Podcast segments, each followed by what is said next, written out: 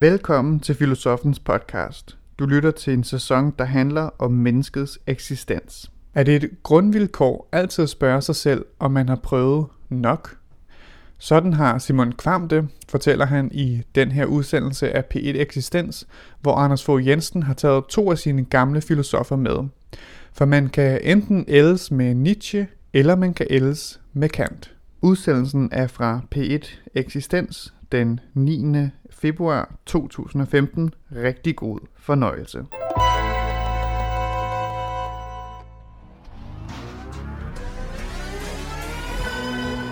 Hvad er det for noget? Hvad er det, der sker? Mm. Vil gerne op og flyve, Som du kan høre, tænker vi over tingene. Vi tænker lang tid. Måske lidt mere, end da vi var 25. Lad os lige hilse på de to herrer, der tænker og taler. Tænker, før de taler. Det er stemmen, der bræger ud af din radio her. Jeg hedder Peter Sommer. Øhm, jeg er sanger og sangskriver.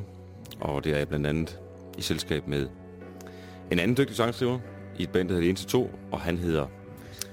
Simon Kvam. Her. Og øhm, glæder mig til at chit-chatte med dig og se Ortmann. Jeg fik simpelthen pralet mig ind i uh, eksistens. Ja, og øh, hævet mig op til et eller andet, der kun kan skuffe.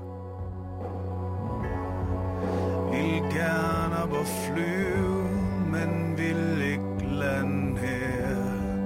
Vil slippe for at få fred, bare nyde turen ned. Og jeg gjorde,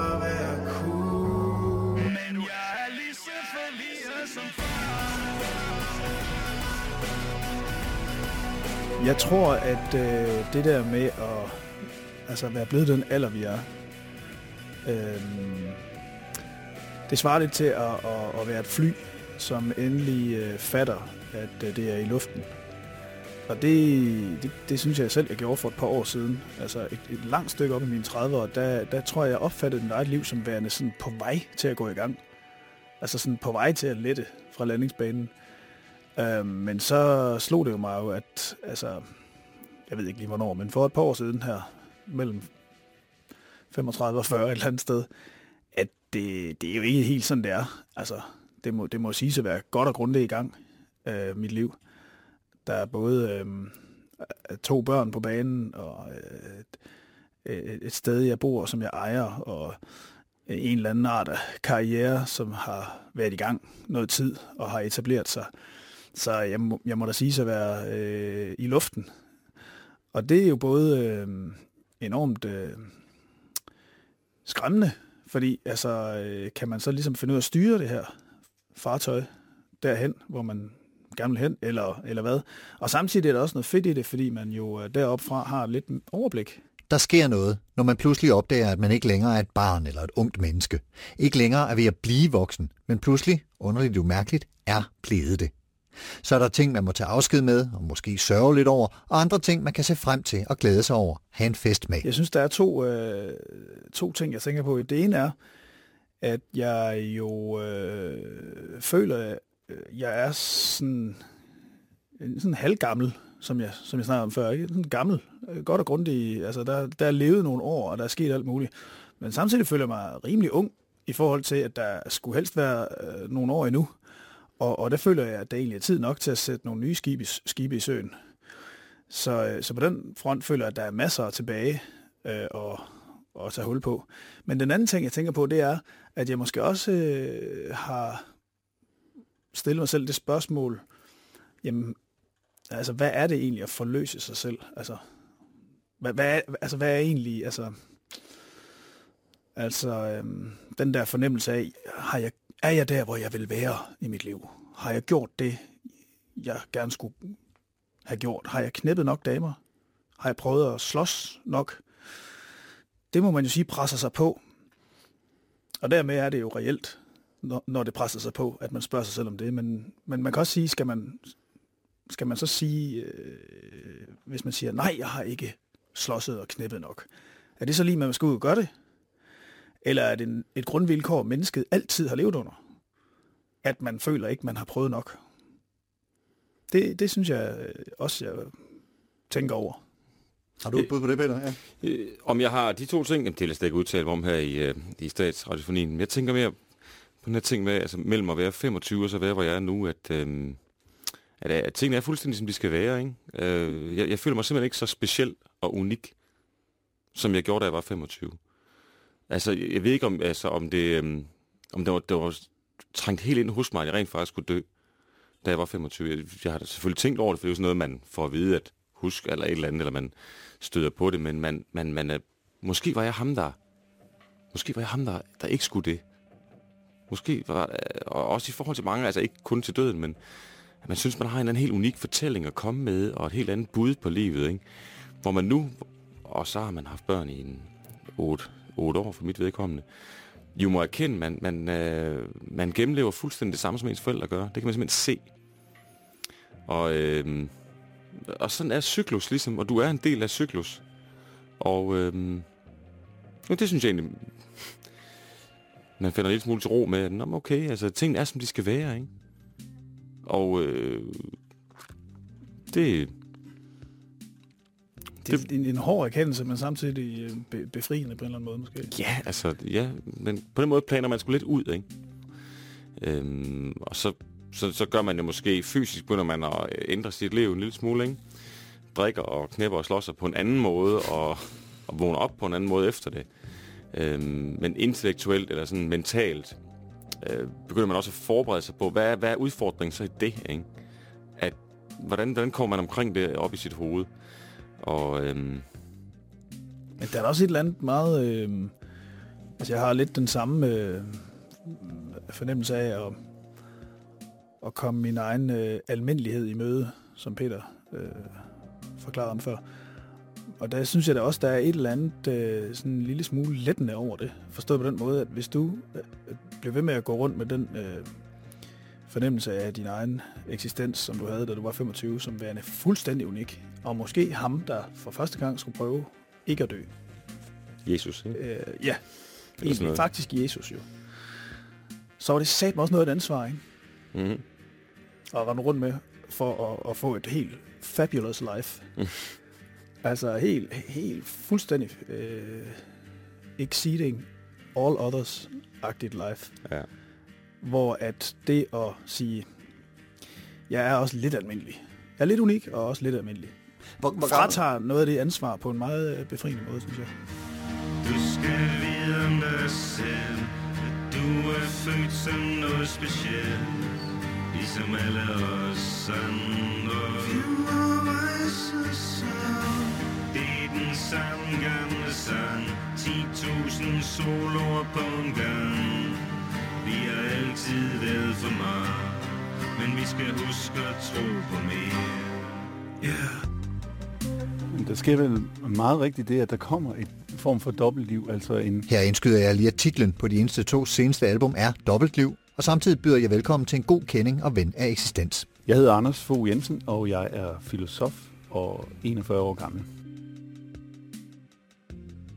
Der kommer et form for dobbeltliv, altså en, en erkendelse af, at der er, øh, som Simon Kvam siger, to længsler. Der er en udlængsel, jydens udlængsel efter at, komme ud, og der er også en hjemmelængsel efter at finde hjem igen. Og jeg tror, det, det er meget karakteristisk for, for det punkt der øh, øh, nogenlunde midt i livet, at der, er, at der er begge længsler på samme tid. Peter Sommer siger, at man står jo lige midt i det. Øh, og spørgsmålet er jo, altså, om der ikke er om der ikke opstår i, i mennesker, eller i mange mennesker i hvert fald, en, en, øh, en, en type af, hvad skal man sige, af erkendelse af øh, nogle andre sider af, af sig selv, og at der er noget andet, der bliver vigtigt. Altså, øh, filosofen Wittgenstein siger omkring de her store vigtige spørgsmål i livet, at de ikke fordi de bliver besvaret, men de forsvinder på et tidspunkt. Og det tror jeg er en del af, af udviklingen væk fra ungdom, at nogle af ungdommens store spørgsmål egentlig forsvinder. Altså det der sådan øh, drengeagtigt, øh, eller ungdomsagtigt kunne hedde, har jeg knippet nok damer? Altså det er jo ikke fordi, at man knipper sig ud af det spørgsmål. men spørgsmålets tyngde eller alvor øh, fortoner sig. Og, øh, og så øh, opstår der nogle, nogle andre spørgsmål, og måske også en anden ro ved, at der er nogle af de her, øh, hvad skal man sige, mulighedstrængsler, øh, der, der, der man dæmper sig lidt. Så for at vende tilbage til Simon Fams spørgsmål fra for lidt siden, om hvorvidt det er et grundvilkår, at man altid vil spørge sig selv, om man har prøvet nok, at længslen efter ungdomsliv består, så er et muligt svar nok, med Wittgenstein som medunderskriver, at det spørgsmål stille og roligt toner ud. At det ikke larmer så meget i ens bevidsthed hen ad vejen. Jeg tror, de mister deres øh, relevans lidt, fordi man bliver en anden, eller man bliver en man bliver større, eller hvad man skal sige, man bliver noget, øh, noget mere... Øh, øh, ikke bare, at man flytter sig fra et sted til et andet, men at man simpelthen øh, også undergår en, en forvandlingsproces i livet. Så derfor kan man ikke regne med, at, at de store spørgsmål, som man bekymrer sig om i sin ungdom, dem må man også øh, se at få besvaret i livet, for det kan være, at livs, et, et, en god livsproces er måske netop, at, at man forvandles, og dermed, at spørgsmålene forandrer sig. Spørgsmålene forandrer sig, prioriteterne forandrer sig, eventyret forandrer sig. Men længes ud, væk til en større by, et vildere liv, et udfordrende eventyr, og senere i livet længes man hjem, fordi eventyret og festen finder sted der på en anden måde, end det man har prøvet så mange gange. Nu gør de rent, og køkkenet bliver pænt. Klokken er 19.42 på mit ur. Jeg tænker kun på der, hvor jeg bor. Nu er der stille, hos den store og den lille. Klokken er 23.20 på mit ur. Kan ikke finde nogen lighter, der duer Timerne bliver splinter fra en fest, der gik i tusind retninger. Men ingen førte betragtet fra ungdommens vinkel, der, der, der ser det ud som om, at man øh, så at sige øh, bliver slap eller bliver træt. Ikke? Øh, men det er jo netop set fra øh, udlængselens og intensitetens og nysgerrighedens øh, vinkel, altså den, den, den, der vil ud, så ser det ud som om, nej, altså, hvad vil han hjemme i sofaen for? Ikke? Øh, øh, men, men set fra midt i livet, eller måske set fra længere fremme i livet, der ser det jo netop ud som en, en, øh, en modningsproces, hvor, hvor, øh, hvor man forandrer sig.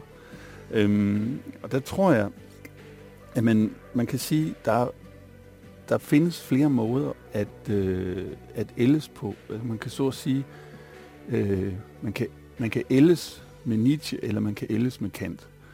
Og at ældes med Nietzsche vil sige, at man forsøger at hele tiden at bevare intensitet og opsøge det vitale, det kraftfulde. Så man bliver ved med at sige, okay, hvordan kan jeg så knip på ny, eller slås på ny, eller hvad man nu skal på ny.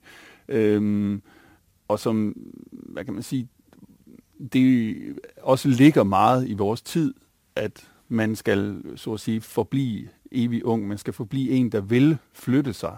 At man skal, så at sige, udlængselen er i højere kurs end hjemmelængselen øhm, i, i vores kultur. Så derfor vil man passe bedre ind, hvis man ældes med Nietzsche, så at sige.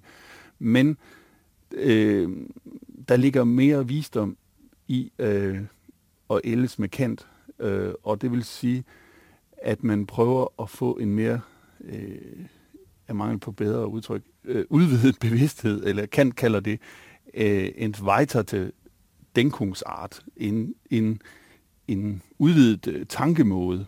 Øhm, og det tror jeg, at, øh, hvad skal man sige, øh, at der, der, der, øh, jeg ved ikke, om det er nødvendigvis et valg, men det at indse, at man også kan blive ældre, øh, uden at bevare den samme intensitet som ungdommen, det ligger der en, en stor visdom i, fordi der ligger en stor risiko i at blive en klovn, hvis man forsøger at ældes med intensitet eller med Nietzsche.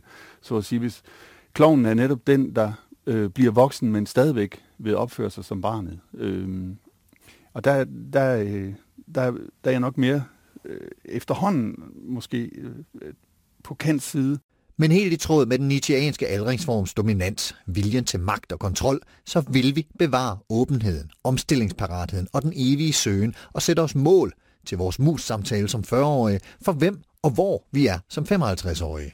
Jamen, jeg håber, jeg kan være blevet øh, en lille smule bedre til at holde min krop ved lige og springe rundt, ikke? Og finde en ro og glæde ved det. Det, det, det, det er ikke lykkedes mig endnu at, at sådan kunne passe mig selv. Og så håber jeg, at jeg kan blive ved med at holde mig nysgerrig på, sådan, hvad, hvad mit eget sprog og mit eget system kan kaste ind i sproget, fordi det er ligesom det, jeg synes, jeg gør. Øhm, og det, det, det ser jeg med stor interesse på, når jeg ser andre på en 55-60 år. Der er lige en Niels Skovsens plade ude her på, eller sideløbende med den plade, vi har øh, udgav tilbage i, i sidste år, ikke? Øh, og Niels Skovsen har sådan fuldt ret tæt som en fyr, og, som, som virker vital og, og meget, meget levende i sin sangskrivning, og god til at fortælle om, hvordan det er at være 20 år ældre, end jeg selv er. Hvem er dig, Simon? Jamen, jeg tror, jeg vil nægte at svare på spørgsmålet, og, og forbeholde mig retten til at øh, leve livet, øh, som det skrider frem, og ikke øh, ud fra, øh, ikke forholde mig til øh, øh, sådan en målsætning omkring, hvor jeg gerne synes, jeg skulle være. Fordi det er jo det, der ligger i det, synes jeg, at man sådan ligesom... Øh,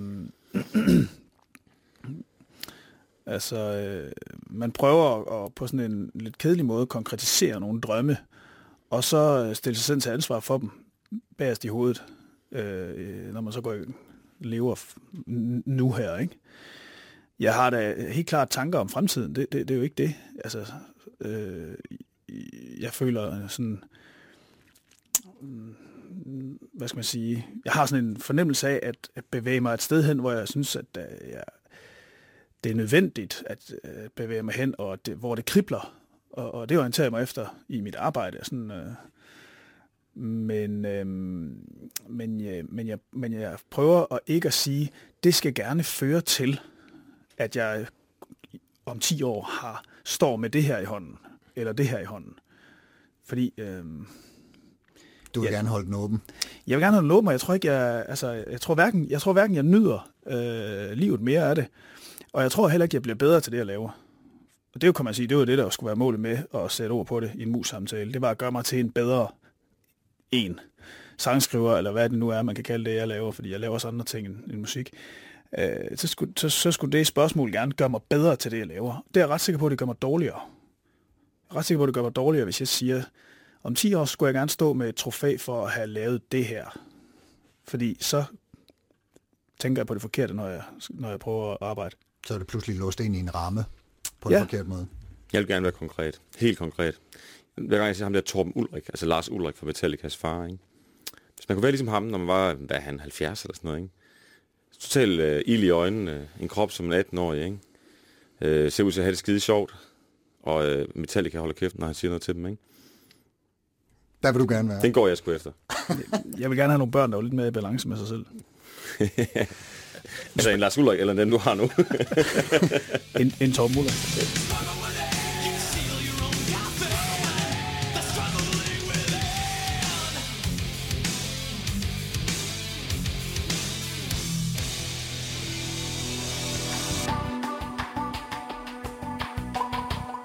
Du lytter til Eksistens på B1, som i dag handler om at blive ældre og mere eller mindre pludselig befinde sig cirka midt i livet. Jeg hedder Carsten Nordmann, jeg nærmer mig 50, og de medvirkende i dagens udsendelse er sanger og sangskriver, 40-årige Peter Sommer og hans musikalske våbenbror, den lige om lidt 40-årige Simon Kvam, som fortæller om at nå det punkt, hvor man kan se sig selv som et fly, der opdager, at det nu er i luften og ikke længere på vej til at lette. De to, de eneste tos seneste album, hedder meget apropos Dobbeltliv. Det udkom i november og kan høres live rundt i landet for øjeblikket, og det er et album, der netop blandt andet beskriver det punkt, hvor der stadig er både udlængsel efter nye himmelstrøg, oplevelser, eventyr og fest- og turnéliv, og samtidig hjemlængsel efter det eventyr, der udspiller sig der, men hvor eftertanken og erfaringen også spiller en stadig større rolle. Jamen klart, altså den diskussion har jeg da, altså det kan man da næsten have med sig selv hver weekend, man så ud og spille, som normalt starter torsdag klokken 4 og slutter søndag klokken 11-12 stykker, ikke? At man kommer igennem afsted med drengene og står bare og tripper på at blive hentet der torsdag klokken 4, ikke? Og så øh, måske en gang sidst på lørdag eftermiddag, så, så får man en besked hjemmefra, at de sidder og hygger hjemme foran fjernsynet i en satens til efterårs- eller vintertid, og har det rigtig fedt, og ungerne i baggrunden, og så tænker man, åh, oh, også meget fedt at være der, ikke? det, det er jo egentlig ret optimalt, ikke? Altså, det, det, det, der har vi ligesom begge dele i løbet af en tre dage, og Det er det, dobbeltlivet. det er dobbeltlivet, og det er der, vi er nu, og jeg, jeg er ikke trist der, når de ringer klokken 4, men sådan er det, og så er man ude og arbejde og tjene nogle penge, og sådan ser jeg det sgu også nu, altså. Og sådan så jeg ikke, der var 25, altså der, der, der var jeg ikke igennem den bevægelse. Så det er det best bare- of both worlds i virkeligheden. Det synes jeg er et godt sted. Det er i hvert fald, I altså, til det, det, det er i hvert fald both worlds, og jeg tror, øh, at vi, vi begge to har det sådan, at der er, altså, de er ligestillede i, i, øh, øh, i, i eventyr og sexiness, ude og hjemme. Men, øhm, men det der, det der og, og, vi, og vi oftest har vi det godt med det, men det er jo ikke øh, øh, rent skuret lyserødt det hele. Altså, der er en sang, der hedder Lige så forvirret som før, som jo helt klart handler om, at det ikke altid går hånd i hånd, det dobbeltliv der, ude og hjemme, og øh, familiefaren, som er god ved sine børn og, sin, og sit liv. Øh, han, han kan godt have en huligan indeni, ikke? I det værk, der hedder Kritik der ursejlskraft, Og her er det filosofen, 41-årige Anders Fogh Jensen. kritik af dømmekraften øh, fra 1790, der taler Kant om, øh, øh, om tre maksimer. Han siger forstandens og dømmekraften og fornuftens. Det første, den første øh, måde, man må tænke på, som Kant siger, det, det er, at, øh, som vi også kender som hans oplysningstanke, det er, at man må tænke øh, fordomsfrit. Man må gøre sig fri af dogmer og øh, religion og øh, diktatorer, der siger, hvordan man skal tænke. Altså man skal have mod til at bruge sin egen fornuft, som det også hedder i hans oplysningsskrift fra 17, 1783.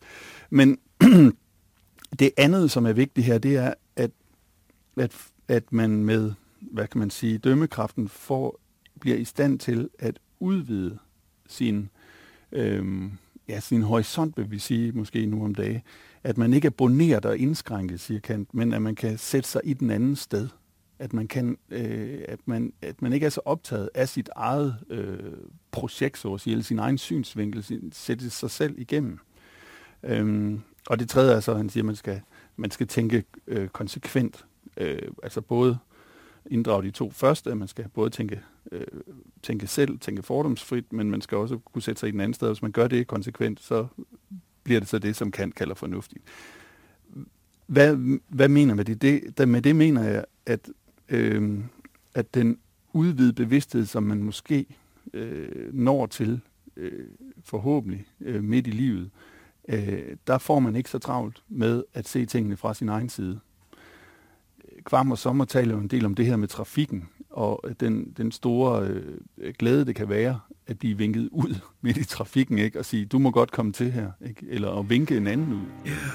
Og så pludselig er der en, der godt vil falde tilbage. En, der blinker, en, der fletter, en, der lever din dag. Du ser en hånd gennem ruden, og den vinker dig frem. Du giver den ikke gennem ruden, og så kører du hjem. Og det er en start, så I to, der ikke bare giver den gas. Og du falder til ro, og det falder på plads. Men hvad der vil ske, hvis vi rejste os Og smed tingene sammen, ligesom vi rejste os Øhm, og, og, og hvad kan man sige? Det, at, at ånden, eller øh, det er måske mere sådan helt udtryk, ikke? men at bevidstheden eller tanken bliver større, øhm, det, det er en anden måde at ældes på, end at tænke, der skal blive ved med at være intensitet, som vi, mere vil være, være, være Nietzsches, der skal være vilje til magt, der skal være kraft, der sætter sig igennem. Ikke? Så, er der, så er den kantianske måde også det at kunne, kunne rumme mere i sin tanke. Det er ikke utænkeligt, at der lige nu sidder nogen og tænker, at sådan er det jo. Altid. De unge tænker mig, mig, mig, og de ældre har måske mere blik for fællesskabet og de gensidige hensyn. Ifølge Anders Fogh Jensen er det imidlertid ikke nødvendigvis en kulturel dekadence eller ungdommen i dag, hvor herre bevares nej, dengang vi var unge, der kunne vi godt vise hensyn. Det er snarere simpelthen blot fordi de er unge og stadig tror, at de skal være unikke for at sætte sig selv igennem. Simon Kvarn har nu en overvejelse over det der med at, at holde sin egen agenda tilbage, men også omkring det at blive mere almindelig, eller indse sin egen almindelighed. At man faktisk ikke er så unik, man er kun lidt unik, og så har man rigtig meget almindelig. Og, øh, og det tror jeg, at, at det er også en, øh, øh, hvad kan man sige, det er jo også en del, en vigtig del af aldringsprocessen, at man faktisk tænker, okay, jeg bliver ikke den her unikke øh, øh, store filosof, eller øh, store øh, forfatter, eller hvad man nu drømmer om. Ikke? Nej, jeg blev faktisk øh, mere almindelig, end jeg egentlig gik og troede. Og hører jeg, det er der en befrielse i. Altså, øh, at den ungdoms øh, ambition faktisk øh, dæmper sig. Spørgsmålet bliver så, hvordan man så kan ældes med stil uden at synke ned i middelmodig almindelighed og uden at insistere på sit eget ego. Det har Kant egentlig også et svar på. Altså han siger, det handler om at blive singulær. Det her med at sætte sig ind i de andres tanker, det handler om at hæve sig over det partikulære, eller interessen, som Kant også siger. Det er, at jeg vil noget bestemt, og jeg har de her præferencer og sådan noget. Men at man, at man så at sige, øh, kan er i stand til at, øh, at lave noget, der er mere øh, øh, universelt. Jeg tror bedst, jeg kan forklare det med, med kunstværker. At nogle, nogle ting kan vi se på, altså vi kan se på... Øh, Rembrandt, at han er, kommer fra et bestemt sted i, i verden. Ikke? Han er ikke lavet et sted, hvor der er meget sollys måske. Eller han, han kommer fra Nordeuropa. Eller vi kan høre fra noget salsa, at det kommer fra Karibien. Det har sin egen øh, lokale, eller øh, sin egen partikularitet. Men de store kunstværker, de appellerer også til hele verden. Altså Rembrandt kommer et sted fra, men, men hans kunst appellerer til hele verden. Øh, og det, altså det er egentlig en, det er en romantisk idé, det jeg udfolder nu, men, det, men det, det at kunne blive, så at sige, for kan det at kunne blive singulær, det er, at man bliver, man får sin egen stil, men den stil er på en måde også, har det universelle i sig. Øhm, Goethe kalder det verdenslitteratur eller vellitteratur. Det som, det, som kommer et sted fra, men som appellerer til, til, til hele verden. Og jeg tror, det at ældes med stil, det er også at finde sin egen stil, men ikke som en, jeg skal, jeg skal adskille mig fra alt muligt andet. Øhm, men men jeg, skal, jeg skal finde min måde at være det universelle på. Jeg skal fagne alt muligt andet, mere end adskille mig fra det. Ja, på, det kan du godt sige. Altså, jeg, jeg har tænkt meget over, for eksempel, hvordan bliver jeg en ordentlig mand? Ikke? Og når man er ung, så, så kigger man efter modeller. Øh, Nå, men sådan en mand der, og han er stærk, eller han er klog, eller han er et eller andet. Men, men det at blive en ordentlig øh, det at blive en ordentlig mand er jo ikke at, at så blive ligesom dette ikon eller dette idol, men det er at finde sin egen stil at være mand på, som, hvor man på en måde inkarnerer hele mandigheden, men man gør det på sin, med sin egen stil. Og det er det, der er det singulære, kan man sige. At det universelle og det partikulære ligesom kan være i det samme.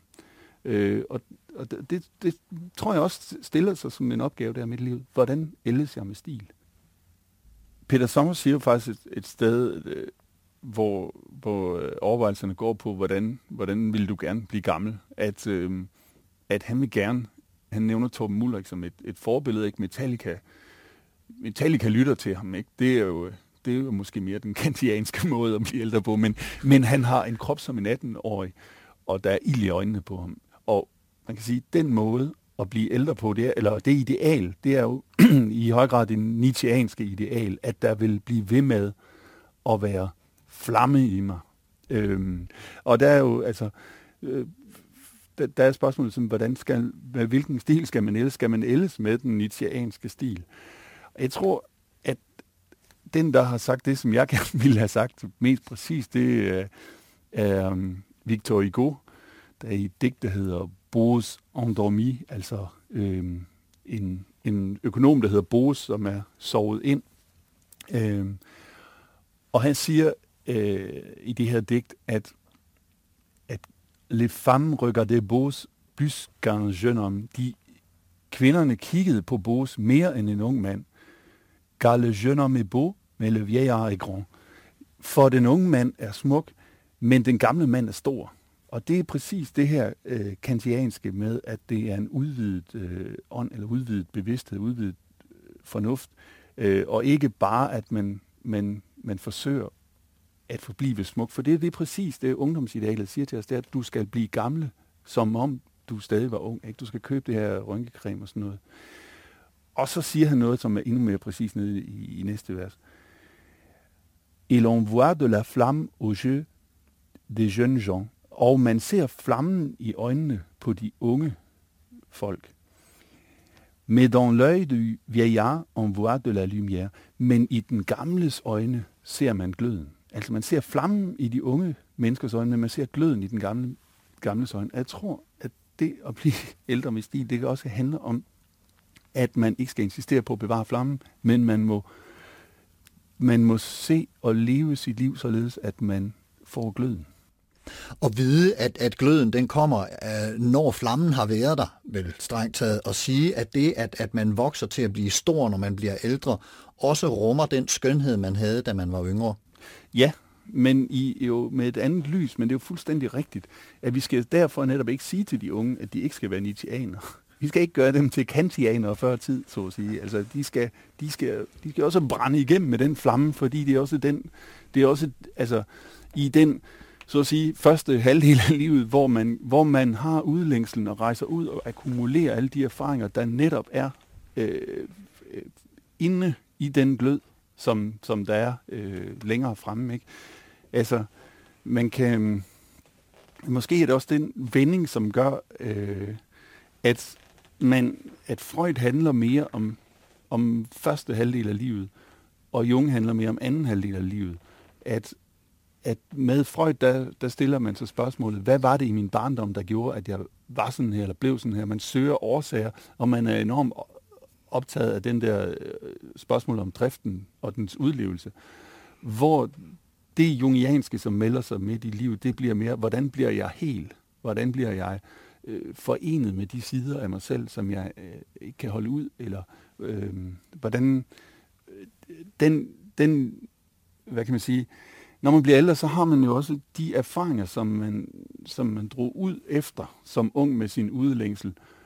Og hjemmelængselen handler jo også om, at man vil faktisk nu ens egen personlighed er ikke længere en toværelseslejlighed. Det er faktisk et stort hus, man kan gå rundt i og, og genbesøge ting. Så hjemmelængsten handler også om at gå rundt og, og få det til at være et, øh, et helt hjem. Og det tror jeg, at, at det der, øh, hvad kan man sige, det er meget præcist, øh, at at Freud mere beskriver første halvdel af livet, og Jung mere beskriver anden halvdel af livet. Og igen må man spørge, om den toværelseslejlighed og det store hus med mange rum er bygget hen over århundreder, eller om det er tilstande, der hører til i en særlig tid, der taler om ungdomsfetishisme, egomentalitet, udviklingstrang og angsten for det langsomme, eller langsommere og mere. Ja ja, rolig nu, jeg har det udmærket her, hvor jeg er.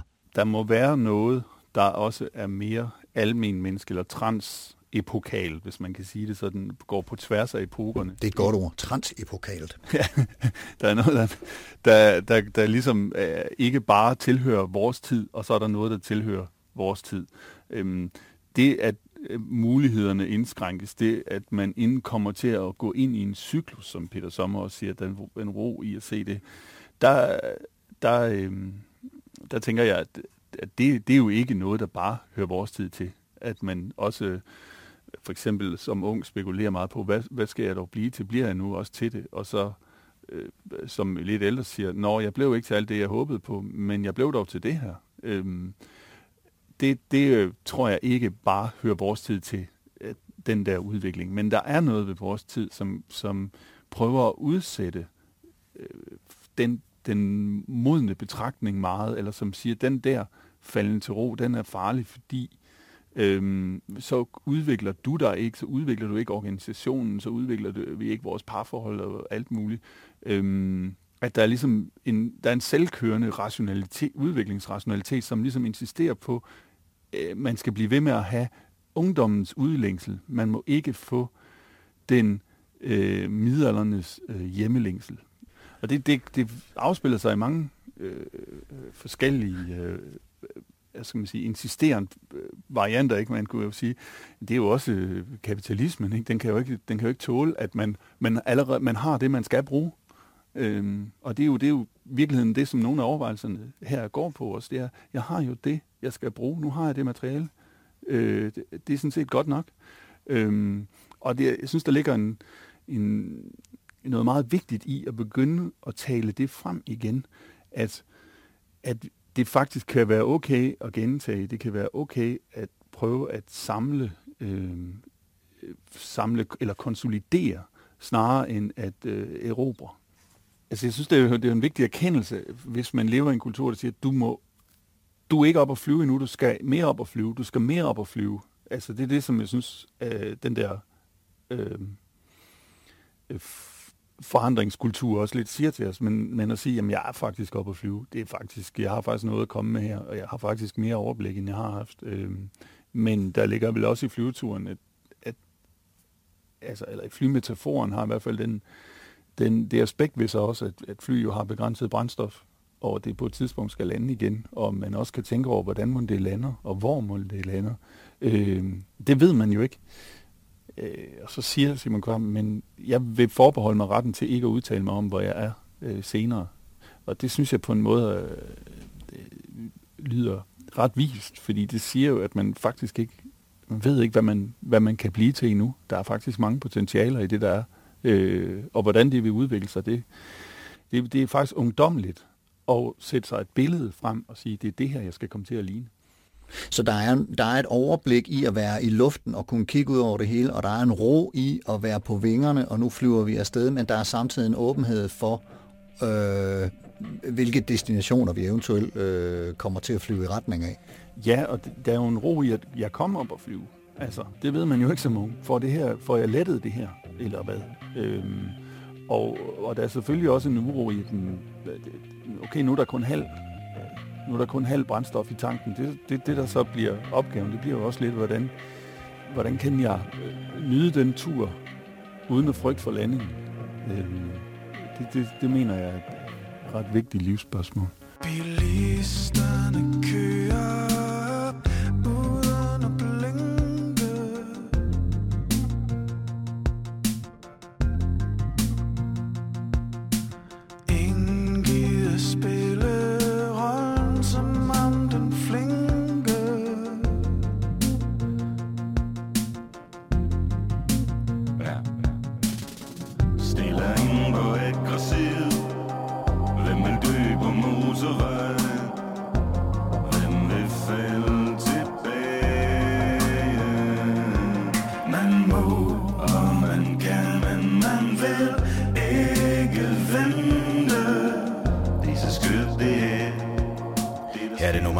fra de eneste tos album Dobbeltliv. Det kan høres live på de eneste tos turné, som begyndte i forrige uge og som fortsætter tre uger endnu. Og lige inden Trafik hørte vi filosof Anders Fogh Jensen kommentere på Peter Sommer og Simon Krams overvejelse om at blive voksen. Og det var alderspræsidenten i dagens eksistens, Carsten Ortmann,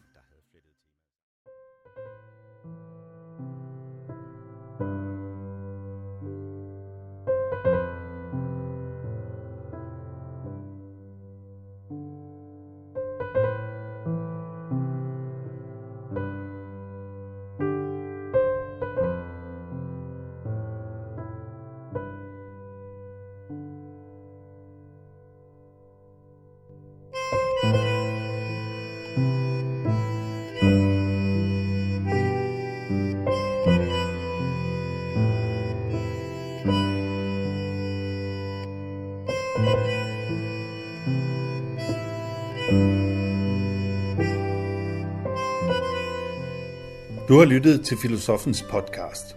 Se mere på min hjemmeside filosofen.dk og tag med mig på dannelsesrejse. Se dannelsesrejse.dk. Mit navn er Anders Fogh Jensen. Tak fordi du lyttede med.